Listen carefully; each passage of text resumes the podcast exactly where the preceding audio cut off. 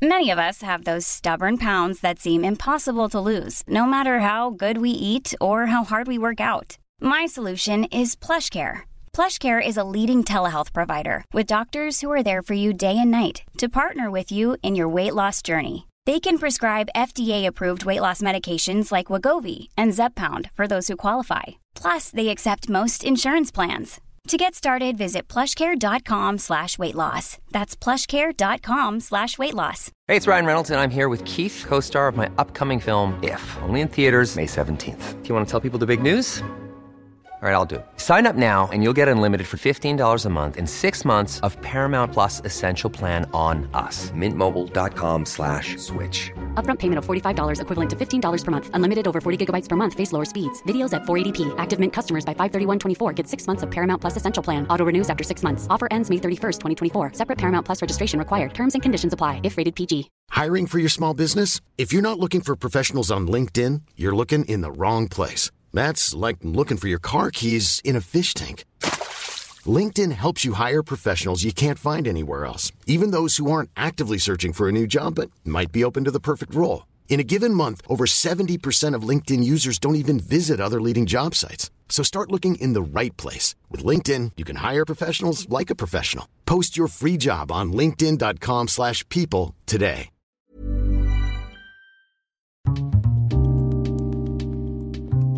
Här programmet handlar om en noga utvald bok och ett samtal med dess författare.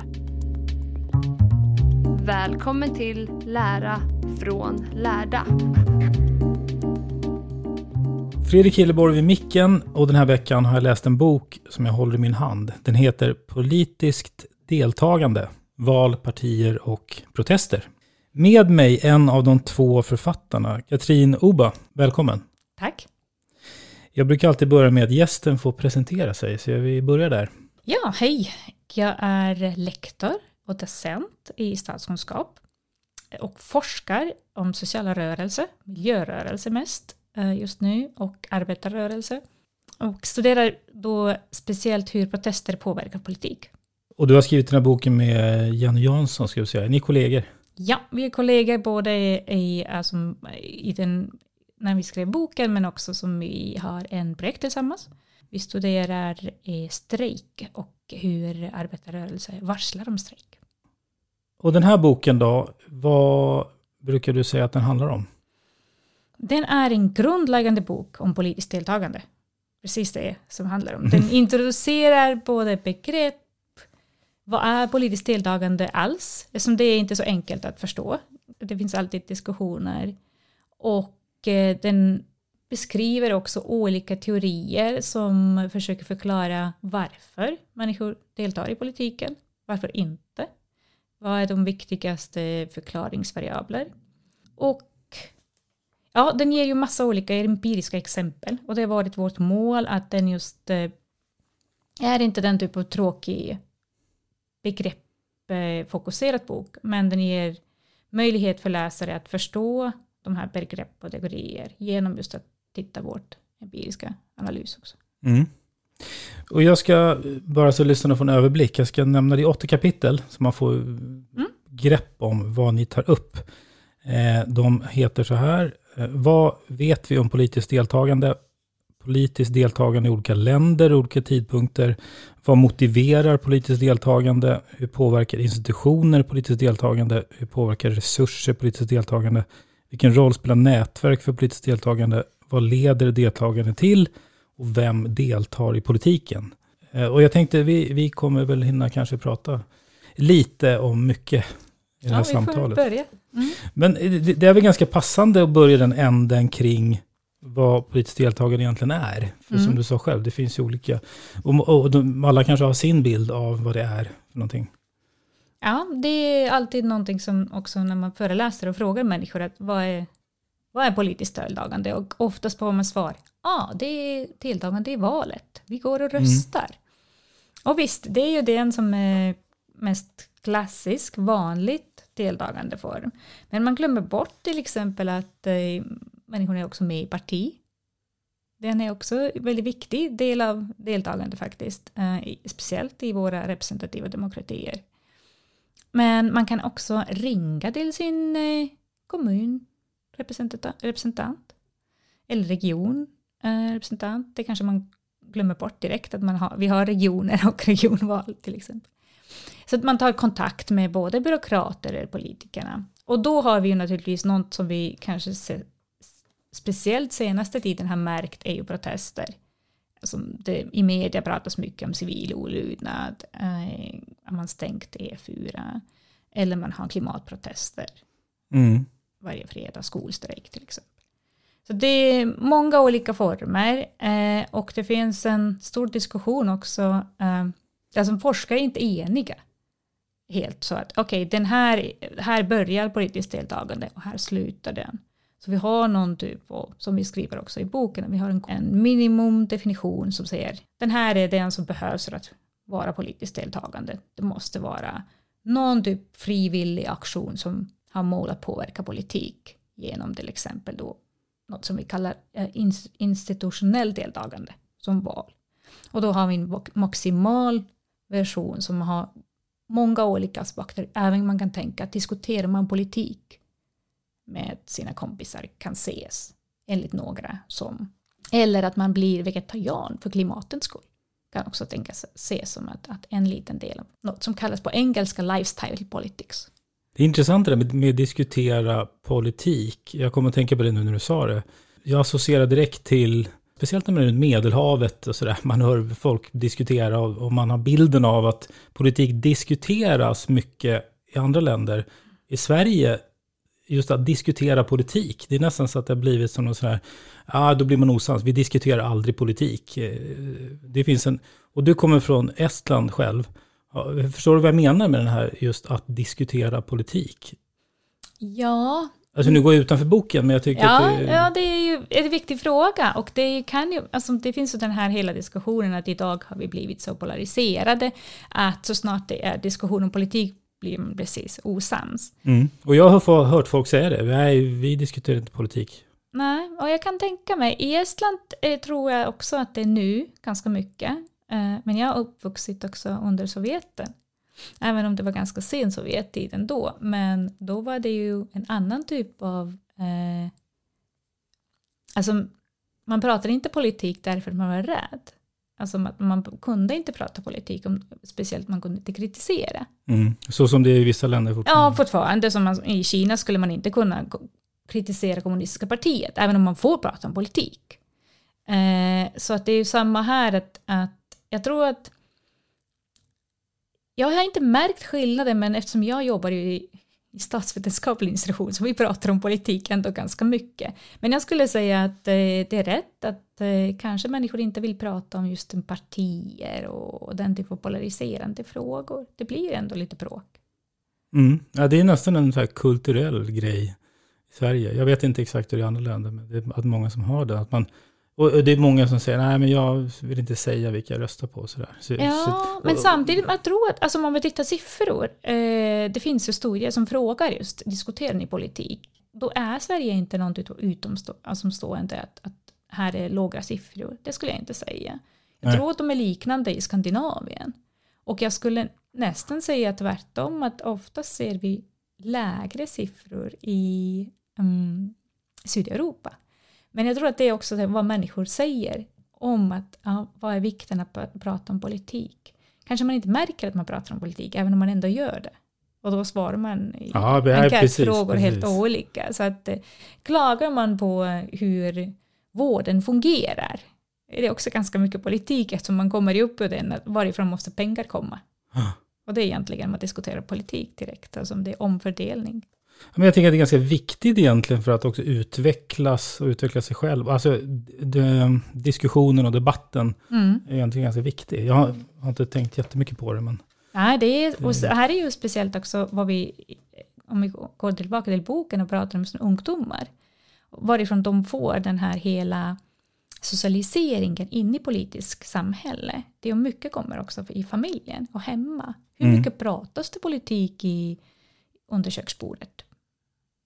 Jag vet det är olika familjer naturligtvis gör olika, men, men det är ganska mycket där som är första steg. Man blir intresserad av frågorna.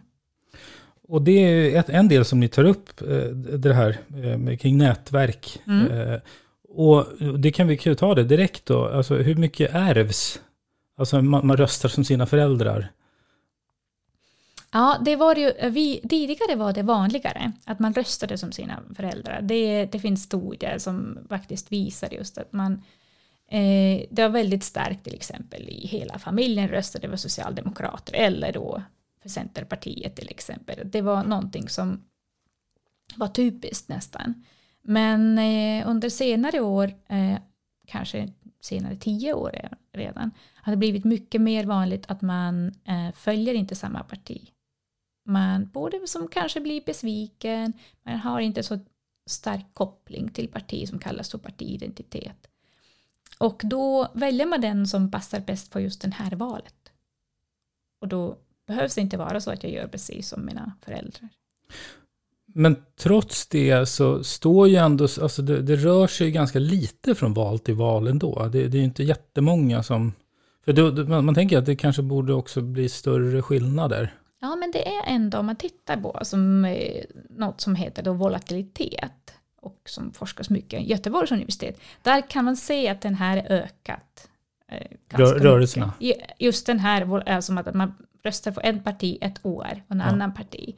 Men också man, något som vi kallar då att split eh, sin vote, eller som man röstar på ett parti på riksdagsnivå och en annan parti på kommunnivå till exempel. Mm. Och det är också någonting som man inte gjorde innan. Man tog bara alltid den här partiet som passar mig bäst, jag röstar på den. Medan nu kanske man tänker igenom att ja, den här parti på kommunnivå, nej, de funkar inte så bra, så röstar jag på Miljöpartiet på kommunnivå och kanske då en helt annan parti på regional nivå. Mm.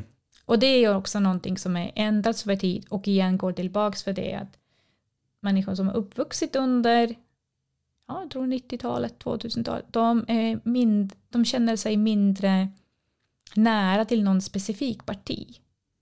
Det är det som just den här mm. identitet handlar om. Och där är också som nätverket, även om familjenätverk kanske är naturligtvis alltid viktigt för att börja delta.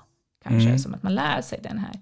Men just den här att man känner sig närmare till någon parti, den är någonting som man omvärderar. Ja, precis. Och en intressant fråga där tycker jag, eller en iakttagelse som jag har gjort, det är ju, eh, tycker mig se i alla fall, det är att ofta när, speciellt när politiker diskuterar i media och sådär, då, då kan man ju exempelvis prata dels om partier, det här partiet tycker det här, men man använder också, eh, man pratar om eh, socialism eller liberalism eller sådär. Men om, om man går ut och frågar väljarna så, så de flesta är snarare sakintresserade. Mm. Och det, om, om jag skulle gå ut och undervisa på universitet och fråga studenter, det är väldigt få som skulle räcka upp handen och säga så här, jag är socialdemokrat. Eh, eller, eller jag är, är någonting annat. Utan man, det är snarare att man, man har åsikter i vissa frågor. Mm. Man, man identifierar sig inte på samma sätt som ett visst parti. Vilket stor skillnad från, från 50 år sedan. I min upplevelse i alla fall, att den här, den här liksom säcken med lösningar som partierna ger sken av att alla är intresserade av. Det är, är det inte ett visst glapp där mot allmänheten, vad folk tycker själva? Jo, men det är också att partierna har ändrats det är mycket som att vad, vad var ett parti 20 år sedan är inte samma som det är idag. Alltså, om man bara tänker på eh, attityd mot invandring eller attityd mot miljöfrågor så där är det också som att man kanske inte kan säga direkt idag att jag är socialdemokrat eller moderat eller sverigedemokrat eftersom sina värderingar eller sin attityd ändrats också. Men eh, visst, det är det kanske är också så att, att man hela media och eh, samhällets diskussion fokuserar mer på specifika frågor än någon typ av större ideologi. Mm. Och hur många människor egentligen, om vi tänker tillbaka, vet idag till exempel vad är kommunism? Ja, ja men precis. Jag vet inte hur många som skulle, alltså skulle man fråga beskriv eh, liberalism, alltså mm. man skulle säga för många svar, eller socialism eller vad som helst. Mm. Det, det mm. och bara... den här tyvärr pratar vi inte alls om i boken. Nej, Just den typ av ideologi som är bakom. Vi har lite om partier, men, men eh, också lite, lite grann om det hur värderingarna växer fram, eftersom det mm. finns några teorier om, som är också då relaterade till deltagande. Men allt detta lämnar vi eh, utanför. Ja, det gör vi. Och vi, vi ska släppa det i det här samtalet också. Eh, men eh, ni beskriver det här i valdeltagande i olika länder. Mm. Eh, kring bland annat eh, protester och medlemmar i partier och valdeltagande och sådär. Hur, hur ser det ut och hur ser det ut i Sverige i förhållande till andra länder? Mm. Valdeltagande i Sverige är ju väldigt hög. Och det är ju varit också hög. Nu kanske det sjönk lite grann eh, förra valet, men den är jämförd med andra europeiska länder väldigt fint och hög. Om vi vill ha procenten då måste jag nästan kolla i boken. Men, men, Det eh, brukar väl ligga 85 procent? ja, precis. Det är, och där är vad är viktigt också som att eh, den är likadant och inte så stora skillnader mellan olika nivåer. Så att det är samma nästan för kommun och regional nivå eftersom vi har val på samma dag. Och det gör det väldigt stor skillnad. Många länder har ju val olika dagar. Och då är det mycket svårare att ha hög valdeltagande på lokala eller kommunala val. Mm. Så det är en sak. Jämför man naturligtvis eh, några länder som har obligatorisk val, där som man måste betala ganska mycket eh, om man inte röstar, då naturligtvis har de högre. Alltså Belgien är ett tydligt exempel. Men vanligtvis har ju alla länder, europeiska länder, någonstans 50-60 procent valdeltagande. Ja, då ligger vi bra till. Jo, alltså Sverige ligger väldigt bra till i Mm. relation till valdeltagande. Det är ingen fråga. Och, och de här procenten som inte röstar, eh, vad vet man om dem? Mm.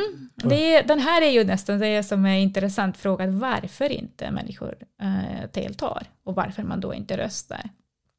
Och då har vi ju i, i boken, vi utgår från den här klassiska förklaringen att, att man deltar inte i politiken därför att man inte vill, man inte kan eller ingen frågade mig.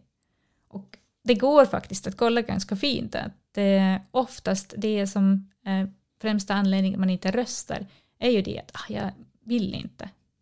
Eftersom i Sverige är det så enkelt att rösta, så man kan nog rösta. Det är en söndag. Nu var det kö förra gången, då kanske var det lite svårare, man behövde vänta. Eh, och det finns tillräckligt mobilisering, man blir tillfrågad att rösta också. Så mest av, de, mest av de människorna som inte röstar skulle nog vara de som är inte motiverade tillräckligt. Och då kan man tänka varför de är inte motiverade. Och där kan det vara många olika anledningar. Man kan tänka att kanske man är, vet inte vad man röstar på. Så det är svårt att välja. Vi har många olika partier men man kanske inte tror att någon av dem spelar roll.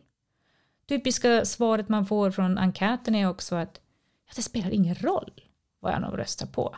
Det blir ändå den här att det går något sätt. Eh, och då är ju några som verkligen har ingen vana att rösta. Om man har ju inte gjort det tidigare, varför gör jag det? Jag bryr mig inte om politik, jag lever mitt liv. Alltså om jag verkligen är utanför samhället. Så det är många olika anledningar. Men just i Sverige skulle jag säga det finns den, alltså en ovilja måste finnas bakom. Det är inte att man kan inte. Mm. Också när det gäller olika länder, det som vi sa innan, det finns olika typer av politiskt deltagande.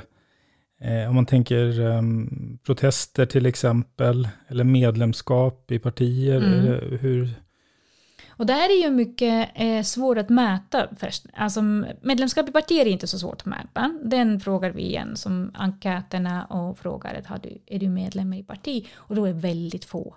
Och den här är minskat under tiden eh, i historie då väldigt mycket också.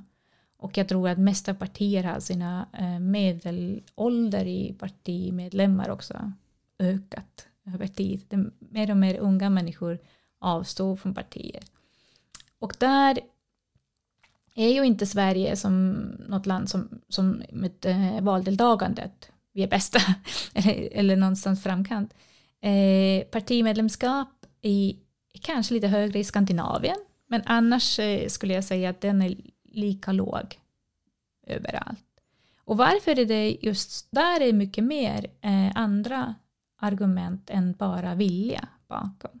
Eftersom partimedlemskap det kräver tid eller resurser. Är man vanlig medlem, då är det ju kanske, man behöver inte gå på mötena. Man måste bara kanske betala en liten avgift. Så det frågar, har man möjlighet att betala den? Eh, Men också måste ha någon stark eh, identitet eller vilja att jag håller med vad den partiet vill.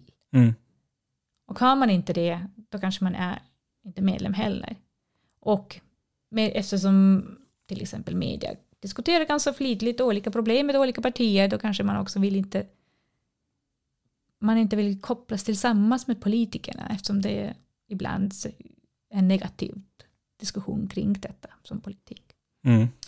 Protesterna är eh, olika former. Som vi pratade till exempel om demonstrationer, som vi också har, eh, har i boken ganska mycket, som att deltar man i demonstrationer, eller manifestationer som man också kallar på svenska, då är det ju igen så att eh, Sverige är ett vanligt land i andra, många andra europeiska länder, och där skulle jag tänka att det är lite högre antal eh, människor, högre andel av eh, respond respondenter i olika enkäter säger kanske högre eh, i Sydeuropa och Frankrike än i Sverige. Man deltar inte så många protester här än i Frankrike. Och det kan man tänka, lyssnar man på media då vet man, de, där strejkas det oftare, Ja, där finns ja, det verkligen. många demonstrationer. Eh, och, eh, men till exempel kan man eh, skriva på namn, namninsamling. Det tar en klick på eh, webben och där är ju nästan var, alla länder har man någonstans 60 procent och säger att ja, jag har gjort det. Men vad säger det egentligen är naturligtvis en annan fråga. Eh, så det är en stor skillnad mellan olika former av deltagande. Mm. Är det några fler länder som sticker ut där, där det demonstreras mycket? Jo, vi har ju i vårt eh, data har vi tyvärr eh, ju bara nio europeiska länder mest som vi tittar på eftersom vi, eh, vi har den typ av data. Men jag skulle nog säga att just sydeuropeiska länder, eh, alltså Grekland och Spanien i vår data sticker ut. Och det är mest därför att de hade den här ekonomiska kriser innan eh, och det var mycket protester i Grekland i resultat av detta. Mm. Och den andra var att vi har eh, Spanien som fall och de hade jättemånga olika eh, protester kring eh, katalanska självständighet just innan vi hade vårt enkät ute. Så den här mätningen, eh, hur många människor deltar i protester, det beroende ju på olika händelser i samhället. Så att hade vi, vi, i boken har vi också en tabell som visar till exempel skillnad mätpunkten 2018 och 2020. Så det är just två olika delar, eh, eller som tidpunkter runt eh, Fridays for Future, när de här globala strejkerna började Mm. eh, överallt i både Europa och världen. Och där kan man se direkt att ökning i demonstrationer och protestdeltagande. Men jag skulle säga att nu har det sjunkit tillbaks. I ett annat kapitel diskuterar ni vad som motiverar politiskt deltagande. Generellt, vad är det som motiverar? Det finns ju olika saker. Ni har delat in det i lite olika kategorier där ju. Ja, alltså det, man skulle tänka ni, två kanske, för att förenkla lite grann hur vi skriver också i boken då, är ju man kanske vill nå någon förändring. Man deltar därför att man eh, vill ändra någonting. Man är inte nöjd med den typ av politik som just nu genomförs eh, alltså av regeringen eller de här regerande partierna. Så det är oftast det som relaterar kanske mer just till olika demonstrationer. Men även i valdeltagande, man är inte nöjd med den här regeringen, jag vill gå och rösta för någon annan eh, regering. Så det vill jag att få förändring. Eh, men annan är ju också att visa just stöd för sin parti, till exempel, eller sin rörelse. Så de är två helt olika motiveringar, men samtidigt lika viktiga. Eh, och för den sista då, att vilja visa stöd, där kommer just en, en som jag nämnde innan, partiidentitet, men också som identitet i olika, eh, eller man är nära till några olika organisationer. I boken pratar vi om miljöorganisationer, men det kan också vara arbetarrörelse till exempel, en annan organisation man är med. Så att, eller sin etnisk grupp. I olika länder är ju, det behövs ju inte vara, i Sverige kanske man röstar inte i relation så mycket, och vi har inte partier relaterat till etniska grupper. Men i andra länder finns det ganska tydligt att man röstar för att visa stöd för sin grupp. Eller religiöst um, syn. Som det finns, om man tittar historiskt sett har ju vinst Kristdemokraterna och det varit också kopplat till religion. Eh, så att det där är just, jag skulle säga två saker mest då. Vilja förändring eller visa stöd. Mm. Och under ett valår när man går till, och då är det väl snarare då förändring, gissar jag, som är större än, än att jag tror vi har grupp. inte så bra mätningar om det som att, att just under valår beter man sig annorlunda eller, eller än vanliga år. Men man skulle kunna tänka att är man besviken för regeringen som har varit, då naturligtvis gör man det. Men är man nöjd? Jaha, då blir det mer för sin ja, då, då fortsatt... Ja, precis. Ja, just det. Ja, precis. Så det, det beror på lite grann vad människor tänker kring mm. den politiken som genomförs. Here's a cool fact. A crocodile can't stick out its tongue. Another cool fact, you can get short-term health insurance for a month or just under a year in some states. United Healthcare short term insurance plans are designed for people who are between jobs, coming off their parents' plan, or turning a side hustle into a full time gig.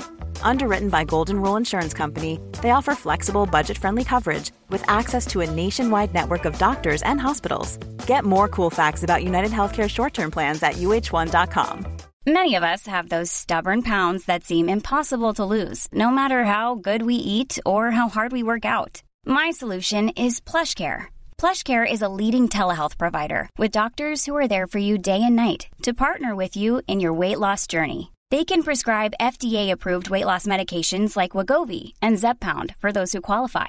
Plus, they accept most insurance plans. To get started, visit plushcare.com slash weight loss. That's plushcare.com slash weight loss. Hey, it's Ryan Reynolds, and I'm here with Keith, co-star of my upcoming film, If, only in theaters May 17th. Do you want to tell people the big news?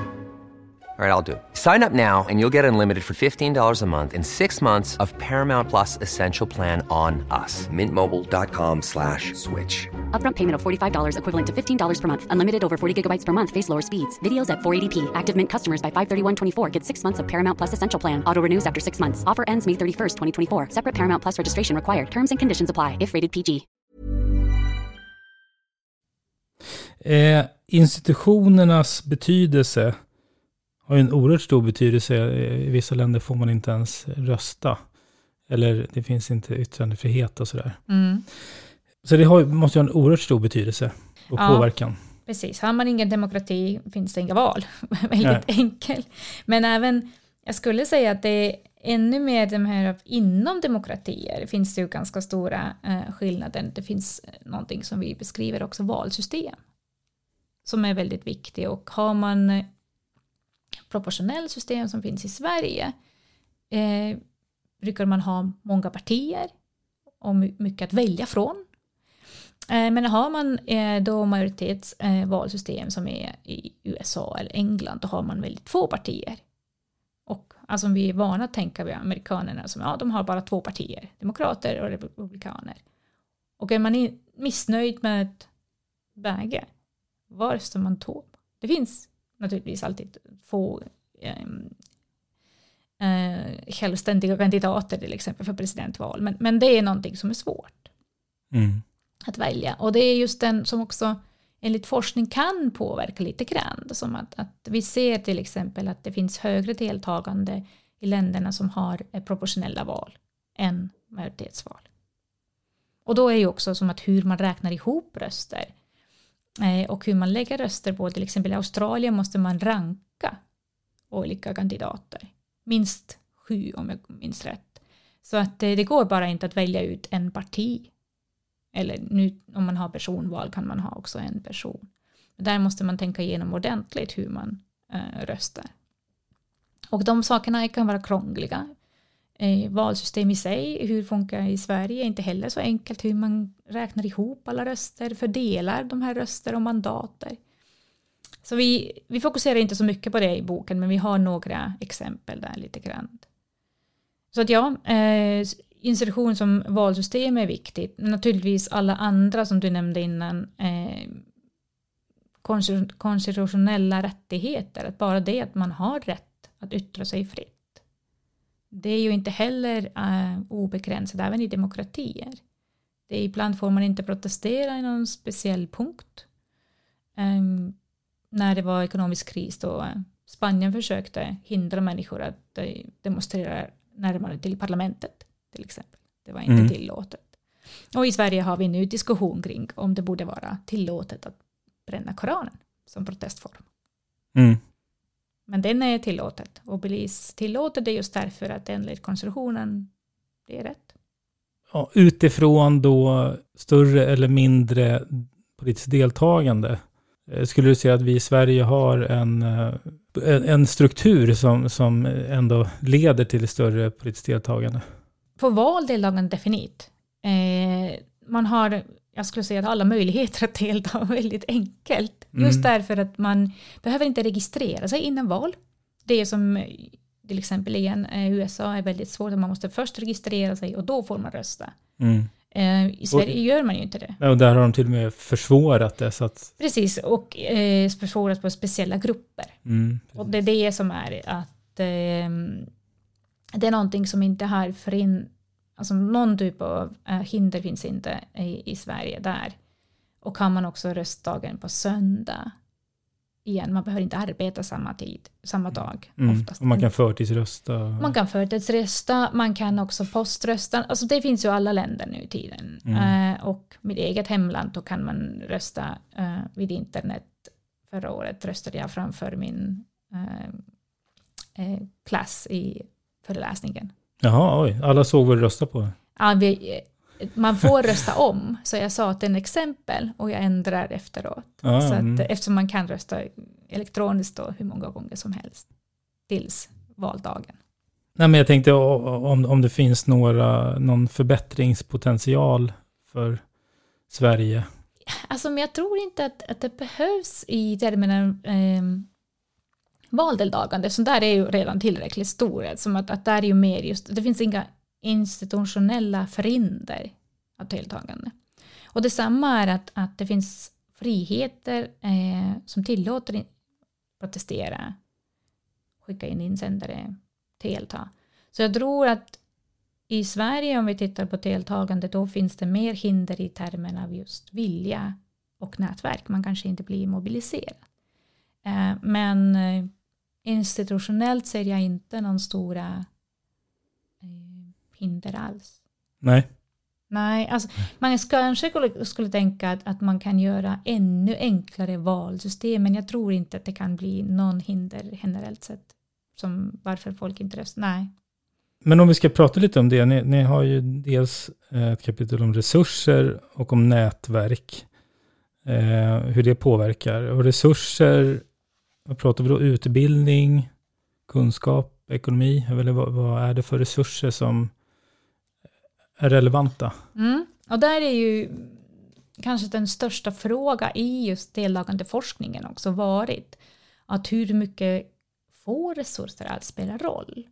Det är ju någonting som ändå är, om vi går tillbaka och tänker på eh, klassförskillnaden till exempel, Eller som att, att det, eller det är orättvist om de som eh, har mer resurser skulle också delta mer och då påverka mer politik än de som har mindre resurser. Så därför har det blivit en väldigt stor fråga. Och om vi pratar om resurser, då pratar vi precis om eh, information och kunskap, så vad man vet eh, om hela politiken, men också som eh, kanske också partier och vad man har att välja från. Och då pratar vi också om eh, vanliga resurser som pengar och tid. Och tid är ganska viktigt just nu. Jag nämnde ju redan att, att vi kan rösta på söndagar. Men har man inte tid, eh, då tar man inte tåget till stationen som man kan rösta. Men ännu viktigare är den för de lite mer krävande former av deltagande som partimedlemskap om man blir aktiv medlem. Att gå för mötena tar jättemycket tid. Att bli organisationmedlem ännu mycket tid. Eh, man demonstrerar inte kanske om man har små barn oftast. Man har inte tid. Man Mm. har massa annat att göra hemma så man orkar inte gå. Eh, så att eh, tid är väldigt viktig för, eh, aspekten. Naturligtvis är det också fråga om eh, finansiella resurser, pengar. Eftersom vi pratar också om donationer som form av deltagande. Igen, det är kanske mindre viktigt i Sverige. Eh, man donerar inte så mycket pengar till partier, men olika organisationer kan man ändå donera pengar. Har man inte de här resurserna kan man inte göra det. Så det är ändå viktiga och speciellt viktiga i eh, USA som man har studerat mer politiskt deltagande också med amerikanska exempel och därför också mer vi vet om det. Och eh, tredje delen där är ju färdigheter, vad man kan. Alltså det är också en typ av resurs. Och eh, att hålla tal på mötena, mobilisera människor är inte så enkelt. Kan man inte det? Men även att skriva insändare krävs en del färdigheter och som, som man lär sig från skolan till exempel. Så det är många av den typ av resurser som är en typ av stor paraply här som eh, krävs för att delta. Och då har vi den största frågan kanske är att hur mycket spelar utbildning roll för det hela? Och som det som vi eh, diskuterar också i boken och det som forskare tidigare sa oftast att ja, människor som är mer utbildade, de deltar mer, så utbildning spelar roll. Men tittar vi historiskt nu och ser att det är mer och mer människor som har högre utbildning idag än låt oss säga 40-50 år sedan. Men samtidigt, och även unga människor som har mycket bättre utbildning eller mer utbildning. Tittar på eh, nivåerna som deltagande då har gått ner för ungdomar att eh, rösta. Och då finns en, en fråga, hur kan det vara så? Alltså om vi har mer utbildning som borde hjälpa att delta, men samtidigt unga går inte röstar. Mm. Och det här är en liten som paradox då, och tagit upp, eller som forskare har tagit upp då frågor att alltså, hur mycket spelar då utbildning egentligen roll? Eh, och några har kommit fram med kanske det spelar inte så stor roll som vi tror. Att det är familjebakgrund som spelar mer roll. Hur vi eh, socialiserat in innan vi blir, går till skola. Men kanske också den tiden som vi går i lågstadiet, eh, mellanstadiet, innan vi blir gymnasie eller studenter till exempel. Så det finns inte mm, tydligt beslutat hur mycket det spelar roll. Det finns fortfarande diskussioner kring detta, forskning pågår. Men jag tror att man, vi har blivit mer eh, öppna för eh, andra faktorer än utbildning. Mm, mm. Och det försöker vi också förklara i boken just att, att det är nu för tiden tror man det kan finnas andra saker och då har han hittat till exempel man pratar om äh, genetik och som att, att precis våra ähm, kognitiva förmågor, våra personlighet äh, och någonting som vi inte pratar så mycket i boken men ja, forskningen mer och mer nu fokuserar också emotionernas roll till exempel i politiskt deltagande. Är man arg eller är man rädd? Den typ av emotioner. Ja, det måste ju vara någonting som engagerar. Mm de politiska kamperna som, som förekom för hundra år sedan, de förekommer inte nu. Det är an, an, annat i samhället som, som diskuteras och skapar engagemang. Jo, alltså det finns ju, om man tänker på hundra år sedan så har kvinnorna fått sin rösträtt, så man kan inte mobilisera kring den här frågan. Nej, nej men exakt. Eh, och eh, om man tänker på arbetarklassen, som visst det finns ju mobilisering fortfarande. Det är bara kanske idag vi pratar om sex timmar och istället åtta timmar. Eh, men eh, miljöfråga eh, engagerar människor lika mycket. Det finns ju väldigt många som tar olika former av deltagande. Och det finns stora emotioner kopplat till detta också. Både man är arg och, och kanske rädd, men också som man har hopp. Tror att det kanske mm. ändå fungerar. Nätverk. Mm, och här är ju familjen då som är kanske en av de klassiska nätverken. Hur, mm. Vad man har familjebakgrund. Eh, och här är ju också, den kopplar ihop de här både kunskap, eh, tid och, och utbildning och alltså alla de här nätverken är, är viktiga. Men eh, nätverk, varför det är viktigt är ju som delvis eh, den ger de här resurser och färdigheter. Men eh, den också eh, kopplar människor tillsammans så att man blir tillfrågad att delta. Eh, så att jag sa innan att man eh, vill, kan eller inte bli tillfrågad. Och det är just den här att, att ganska stor andel människor kommer till olika demonstrationer tack vare att de blivit tillfrågade från sina kompisar. Och det är just den här kompisgänget eller skolgänget eller arbetskamrater som säger att ja, nu ska vi göra den här. Mm. Och då naturligtvis är det organisationer också nätverk. Alltså partier mobiliserar genom att sina medlemmar.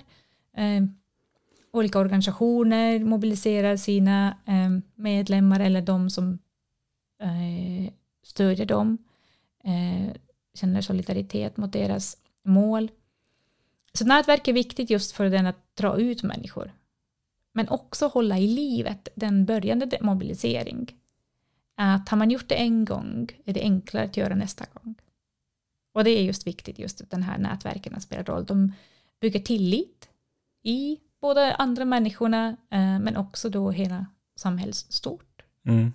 Och den är ju grunden för att man skulle kanske gå ut och ta den här risken ändå som alltid finns om man går ut och demonstrerar till exempel att någonting kan hända. Eller om man röstar då behöver man ju att eh, tillit till systemet det fungerar. Att det är rättvist hur man räknar ihop röster till exempel. Mm, precis. Ehm, och, och förstås nu, för jag tänker på det här, det, ni nämner ju det i olika delar, men det här med ehm, att man kan organisera sig på nätet. Mm. Eller att man är med i en grupp, eller att man tycker, alltså man engagerar sig genom någon, någon, något eh, nätverk som är via internet främst, digitalt helt enkelt. Mm, och den var ju ganska stor problem för oss forskare i början att, att förstå det hela, som att, att det är ju eh, sociala medier som erbjuder helt annorlunda nätverk än en vanlig eh, organisation som man gick till en rum eh, och träffades. Nu behövs det inte, behövs det inte fysisk plats. Man får bygga sin nätverk eh, över geografiska gränser också snabbt. Så den naturligtvis den eh, gör ju att det är enklare att ha nätverk och det är enklare att mobilisera. Eh, det går snabbare, man når många mer människor. Problemet är ju naturligtvis också att eh, träffar man inte fysiskt, bygger man inte upp den typ av vardagliga tillit, då är det också enklare att bryta isär grupperna. Mm. Och eh, det finns lite forskning om det, som att, att vilka grupper är mer mm, stabila eller eh, hållbara. Eh, att är det, alltså, går det att ha just eh, sociala mediegrupper, till exempel jag vet, en Facebookgrupp, eh, hur hållbart det är över åren eh, jämfört till exempel om man nu träffas fysiskt. Det kanske kommer med den typen av forskning. Men för politiskt deltagande perspektivet spelar det inte jättestor roll. För mobilisering skulle det bra att sociala medier finns, just att det når med människorna. Eh, och man kan också diskutera politik i de här grupperna. Mm. Eh, lika mycket som man diskuterar vid eh, olika mm, organisationmötena.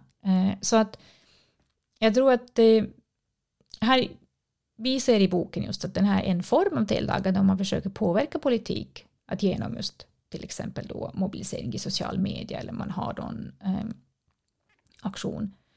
Eh, men den är inte någonting som har påverkat jättemycket. Något, eh, I början var det diskussion i, hos olika, några forskare just att det påverkar så att man inte bryr sig så mycket om politiken. Man går och pratar om något annat. Och visst, det är ju egentligen mest eh, eh fokus på något annat, alltså inte politik som, som sociala medier. Man har entertainment mest, alltså mm, filmer, mm. Allt möjligt annat än eh, influensare man tittar på, mm. eh, än politiken. Men det är inte försvunnit. Nej. Vi har hoppat runt i boken och pratat lite om allt möjligt. Mm. Är det någon pusselbit vi inte har pratat om som du vill nämna? Jo, vi har ju sista kapitel, eller kanske inte helt sista, men den som hur politik påverkar, eller som hur deltagande påverkar politik. Eh, eller vad leder deltagande till? Precis. Eh, det har vi inte pratat om. Eh, och den, den delen är viktig. Den har inte funnits tidigare i olika böcker om politiskt deltagande skulle jag säga. Och det är just därför att man glömmer bort att visst, man behöver delta i politiken, det är viktigt för demokrati, men vad händer efter att man gjort detta? Vad är det som vad leder den till? Och frågan vad människorna tror ni att det påverkar någonting om man gör detta? Så oftast får man ju svaret nej, det spelar faktiskt ingen roll. Eh, och då är det un man undrar varför man ändå gör detta.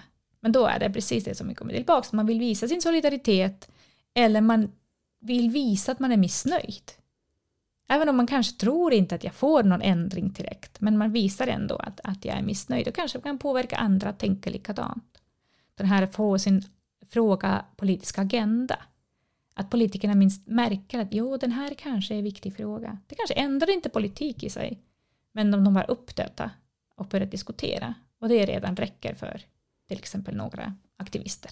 Mm. Så den delen i boken är också just viktigt därför att, att den kopplar ihop den här motivationdelen. Eftersom ser man att det har någon typ av verkan ändå, då har man kanske lite mer motivation att delta.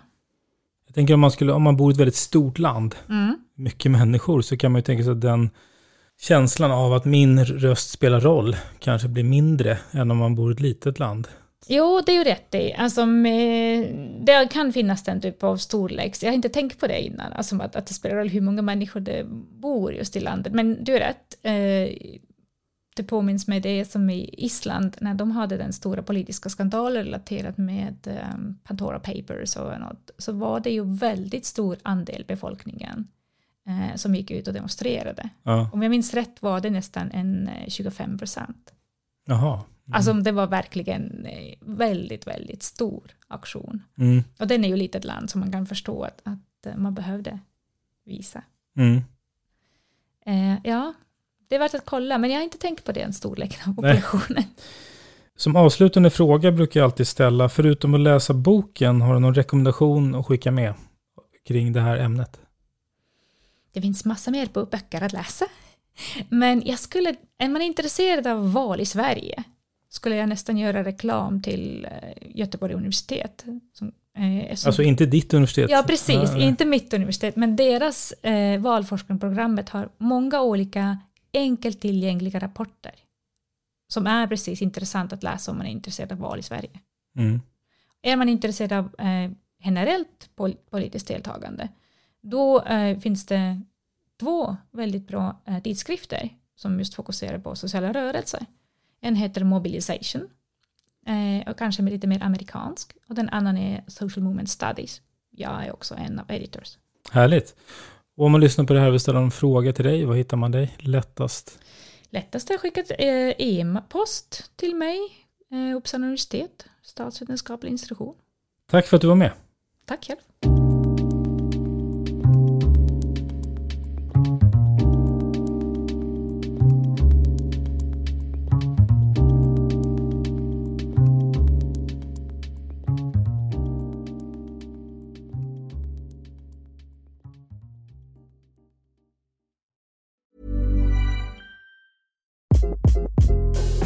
This is Craig Robinson from Ways to Win, and support for this podcast comes from Invesco QQQ. Invesco QQQ is proud to sponsor this episode and even prouder to provide access to innovation for the last 25 years. Basketball has had innovations over the years too. We're seeing the game played in new ways every day. Learn more at Invesco.com slash QQQ. Let's rethink possibility. Invesco Distributors, Inc. Hi, I'm Daniel, founder of Pretty Litter. Cats and cat owners deserve better than any old fashioned litter. That's why I teamed up with scientists and veterinarians to create Pretty Litter. Its innovative crystal formula has superior odor control and weighs up to 80% less than clay litter. Pretty Litter even monitors health by changing colors to help detect early signs of potential illness. It's the world's smartest kitty litter. Go to prettylitter.com and use code ACAST for 20% off your first order and a free cat toy. Terms and conditions apply. See site for details. Imagine the softest sheets you've ever felt. Now imagine them getting even softer over time. That's what you'll feel with Bowl and Branch's organic cotton sheets. In a recent customer survey, 96% replied that Bowl and Branch sheets get softer with every wash. Start getting your best night's sleep in these sheets that get softer and softer for years to come. Try their sheets with a 30-night guarantee. Plus, get 15% off your first order at bowlandbranch.com. Code BUTTERY. Exclusions apply. See site for details.